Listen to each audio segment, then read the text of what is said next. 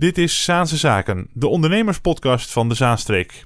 Je gaat luisteren naar een fragment uit aflevering 14, opgenomen op 6 november tijdens de 30ste Zaanse Ondernemersdag in het Zaantheater. Luister ook de gehele aflevering of eerdere interviews via iTunes, Spotify of je favoriete podcast-app. Bij ons aangeschoven iemand die compleet verrast eruit ziet, dat is uh, Dick Dekker. Jij werd verrast met een Zaanse erepenning en daaraan gekoppeld het uh, ereburgerschap, geloof ik, van, van Zaanstad.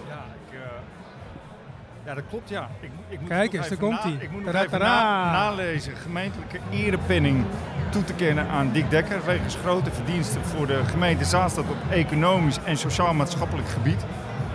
Gaaf. Dus burgemeesters en wethouders van Zaanstad hebben besloten...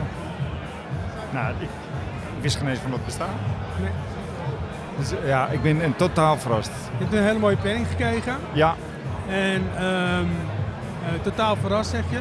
Maar uiteindelijk, je, je timmert wel aan de weg uh, als ondernemer.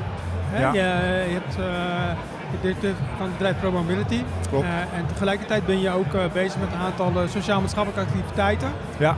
Waaronder het lokaal. Ja. Um, ja, als dit al gebeurt, hè, met alles wat je nu voor elkaar hebt, wat, wat is nou de volgende stap uh, eigenlijk? Dit is wel super gaaf allemaal. Hoe zie je dat? Ik kom je over vijf jaar weer tegen bij de Zaans Ondernemersdag. En zeg Rob? Ja, daar ben ik van overtuigd dat, uh, dat uh, zeg maar het lokaal verder is uitgerold. over, de, over de meerdere bedrijventerreinen.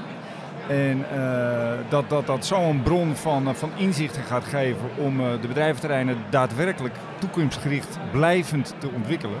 Maar daar opleiding en onderwijs daar onlosmakelijk aan verbonden is. maakt niet uit zeg maar, vanuit welke opleidingen. Het kan praktijkonderwijs zijn tot hoger, hoger, hoger voortgezet onderwijs.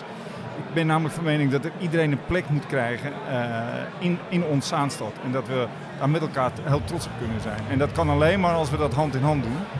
En uh, het lokaal is dan uh, vanuit dat, dat inzicht heb ik het ook uit willen rollen en heb ik het handen en voeten gegeven.